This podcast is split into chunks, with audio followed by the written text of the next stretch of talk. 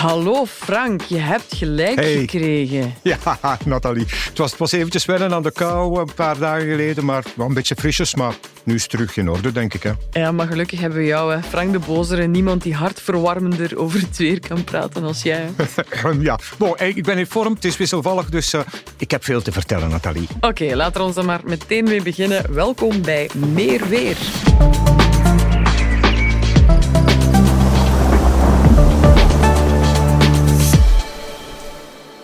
Dus Frank, we starten met de vraag waar we altijd mee gaan beginnen. Wat zie jij door je raam? Ik zie wolken, Nathalie, veel wolken en eh, af en toe druppelt het een beetje. Goh, het valt nu nog een beetje mee, maar goh, ja, ik vrees een beetje voor, eh, voor, voor vrijdag. Hè, want, want vrijdag dan verwachten we echt wel een intense regenzone die langskomt. Eh, het zal wel zacht zijn, weliswaar, met vrijdag een graad of 17. Maar toch, ja, vrijdag is een onvervaste parapludag. Er kan makkelijk 10 tot 20 liter water per vierkante meter vallen. Dus dat is één of twee emmertjes water halen, twee emmertjes pompen. Ehm, het ziet er naar uit dat we dan eh, ja, voor het weekend, dat zou misschien toch wel een beetje beter zijn. Zaterdag wisselvallig, met wel veel wind op zaterdag en een graad of 15. Maar dan zondag moet er nog een builijn passeren. En daarna komen er toch wat meer opklaringen. En, en die 15 graden als maximumtemperatuur, ja, dat is in feite een beetje zachter dan wat we normaal gesproken meemaken in de tweede helft van de maand oktober. Ja, de temperatuur is inderdaad weer zachter, maar die regen moeten we Mhm. er wel bij nemen. Is dat ook voor de rest van de week het geval? Oh, Het gaat een beetje op en af. Hè. Ehm, De nacht van zondag op maandag is nog eens een koude nacht. hè. We hebben er nu al een paar gehad. Dus ook eh, zondag op maandag zijn dat minima rond plus drie. Zou er opnieuw hier en daar een beetje grondvorst kunnen zijn. Ik denk niet dat er in Vlaanderen echt de vrieskou in zit. Eh, En dan maandag, daar gaan we alles op inzetten. Dat zou de droogste dag van de week zijn, met opklaringen.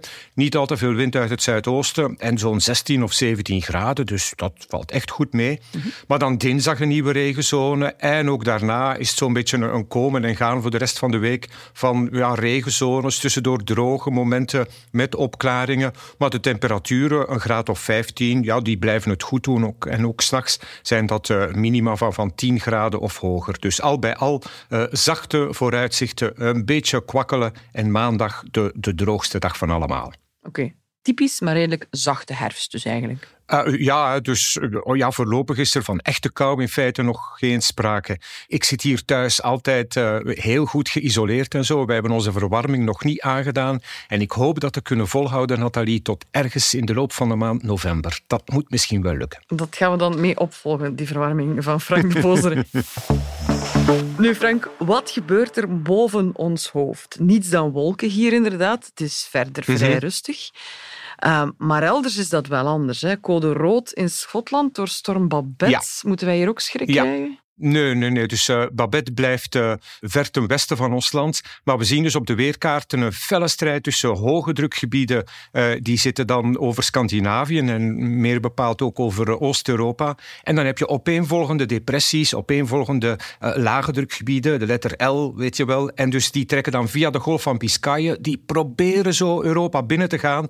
Maar die blijven meestal haperen boven de Britse eilanden. En die trekken dan naar het noorden. En vandaar dus ja, die Babette dat is zo een kleine depressie. Die blijft vooral lang haperen. En, en vandaar dus, omdat die daar boven Schotland vooral lang blijft hangen, moeten ze daar in Schotland tot uh, zaterdagochtend rekening houden met 200 tot 300 liter water per vierkante meter. De Scotch whisky zal serieus aangelengd zijn, denk ik. Maar bij ons uh, geen echte stormen in zicht. Ja, trouwens, dat woord depressie, dat moeten we misschien even plaatsen, want mijn oudste dochter die, uh, had daar vragen bij van hoe is het weer depressief? Waarom noemen ze dat zo? In, in de tijd had ik het heel dikwijls over het woord depressie, maar dan heb ik eens van een of ander uh, uh, ja, een taalprofessor of zo uh, de raad gekregen van goh, zeg dat toch niet te veel, want de mensen gaan zich dan inderdaad depressief gaan voelen. Gebruik liever het meer neutrale, lage drukgebied. Eerlijk gezegd, Nathalie, ik probeer een beetje af te wisselen. Trouwens, nu we het over lage drukgebieden hebben, ik ga een beetje advocaat van de duivel spelen, maar een, een beetje regen is in feite echt wel welkom. Ja, maar zo'n storm Babette die hoeft toch niet per se naar hier te komen? Trouwens, waarom Babette? Ja, wel, dus dat zijn de Engelse weerdiensten, uh, Engelse, Ierse en Nederlandse weerdiensten, die uh, uh, gaan gezamenlijk over één gebied. En van zodra dat er daar een of andere diepe depressie, diep lage drukgebied passeert, dan mogen ze een naam voorstellen. En dus we zitten nu aan de letter B, vandaar Babette. Wij in België, wij sluiten aan bij de groep van Frankrijk en Spanje, maar we nemen wel eventueel de naam van bijvoorbeeld een Brit over. E eerlijk gezegd, het is een heel klein beetje allemaal een, een, een, verhaal van, van de toren van Babel met Babelse spraakverwarringen. Want, want soms fietst daar ook nog eens uh, de restant van een echte orkaan door. En dat is dan weer een andere naamgeving. De Duitsers die gebruiken ook helemaal andere namen. Die geven ook namen aan hoge drukgebieden. Trouwens, die, bij de Duitsers is het zo dat je namen voor lage drukgebieden en hoge drukgebieden, die kan je kopen. Wat? Ik dacht, ja, ja, ja, ja, ik dacht een lage drukgebied is iets van een, een 150 euro plus BTW natuurlijk. En een hoge drukgebied is iets meer, omdat dat langer blijft hangen. Ja, ja, maar je lacht, hè, maar dus... Ja, dat, dat is zo. En, en... Dus Frank, als ik een uh, hoge mm drukgebied wil met de naam Nathalie Delporte, dan moet ik 150 euro aan BTW neerleggen en dat lukt? Ja, maar, maar uh, de hoge drukgebieden en die lage drukgebieden zijn bij de Duitse weerdienst natuurlijk snel uitverkocht. Dus ik weet niet of dat je voor 2023, zelfs voor 2024, dat je nog kans zou maken. Maar ja, het, het, het, kan, het kan inderdaad. En, en ja, als je geluk hebt en, en het is er echt zo een blijver of een heel straffe, dan zou je misschien wel heel beroemd kunnen worden, Stormpje Nathalie. Of misschien moeten we dat met nieuwsblad eens overwegen. Nee, geweldig. Frank, waar in de wereld moet ik wel of niet zijn bij ons te beginnen? Wat is bijvoorbeeld de beste plek voor een stevige herfstwandeling? Wel, um, het, gaat wel een beetje waaien dit weekend, zaterdag vooral. Dus een bos zou ik niet meteen uh, meenemen. Um, de Vlaamse regering heeft uh, vier nationale parken net erkend hè, en vijf landschapsparken.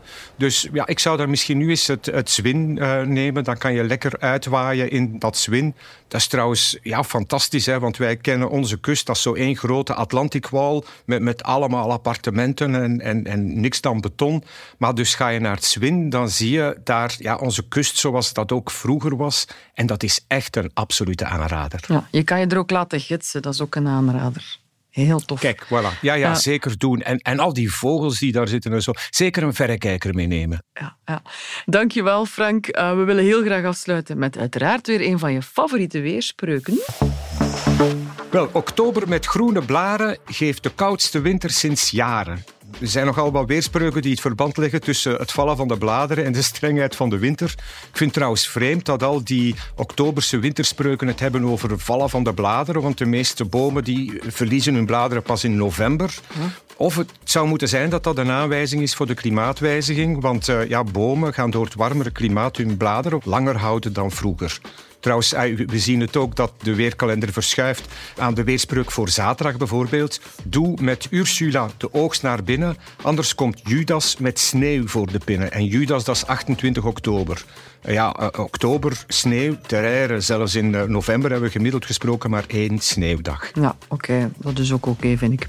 Trouwens, um, we kregen dan meteen een reactie na de eerste aflevering hè, van oh, vorige week. En ja? ik ga citeren, ik ga ja? citeren. Zalig de Frank en de titel van de podcast, maar ik ben diep teleurgesteld Oei. dat Frank niet op het einde zegt volgende week ben ik er weer met meer weer. dus, Alright, oké, oké, okay, hier gaan we. En volgende week ben ik er weer met meer weer. Yay! Dit was Meer Weer, een podcast van Nieuwsblad in een productie van Bert Heijvaart en mezelf, Nathalie Delporte. Muziek en montage House of Media, met dank aan de weerkaarten en het zonnige zelf van Frank de Bozere. Goed, dag.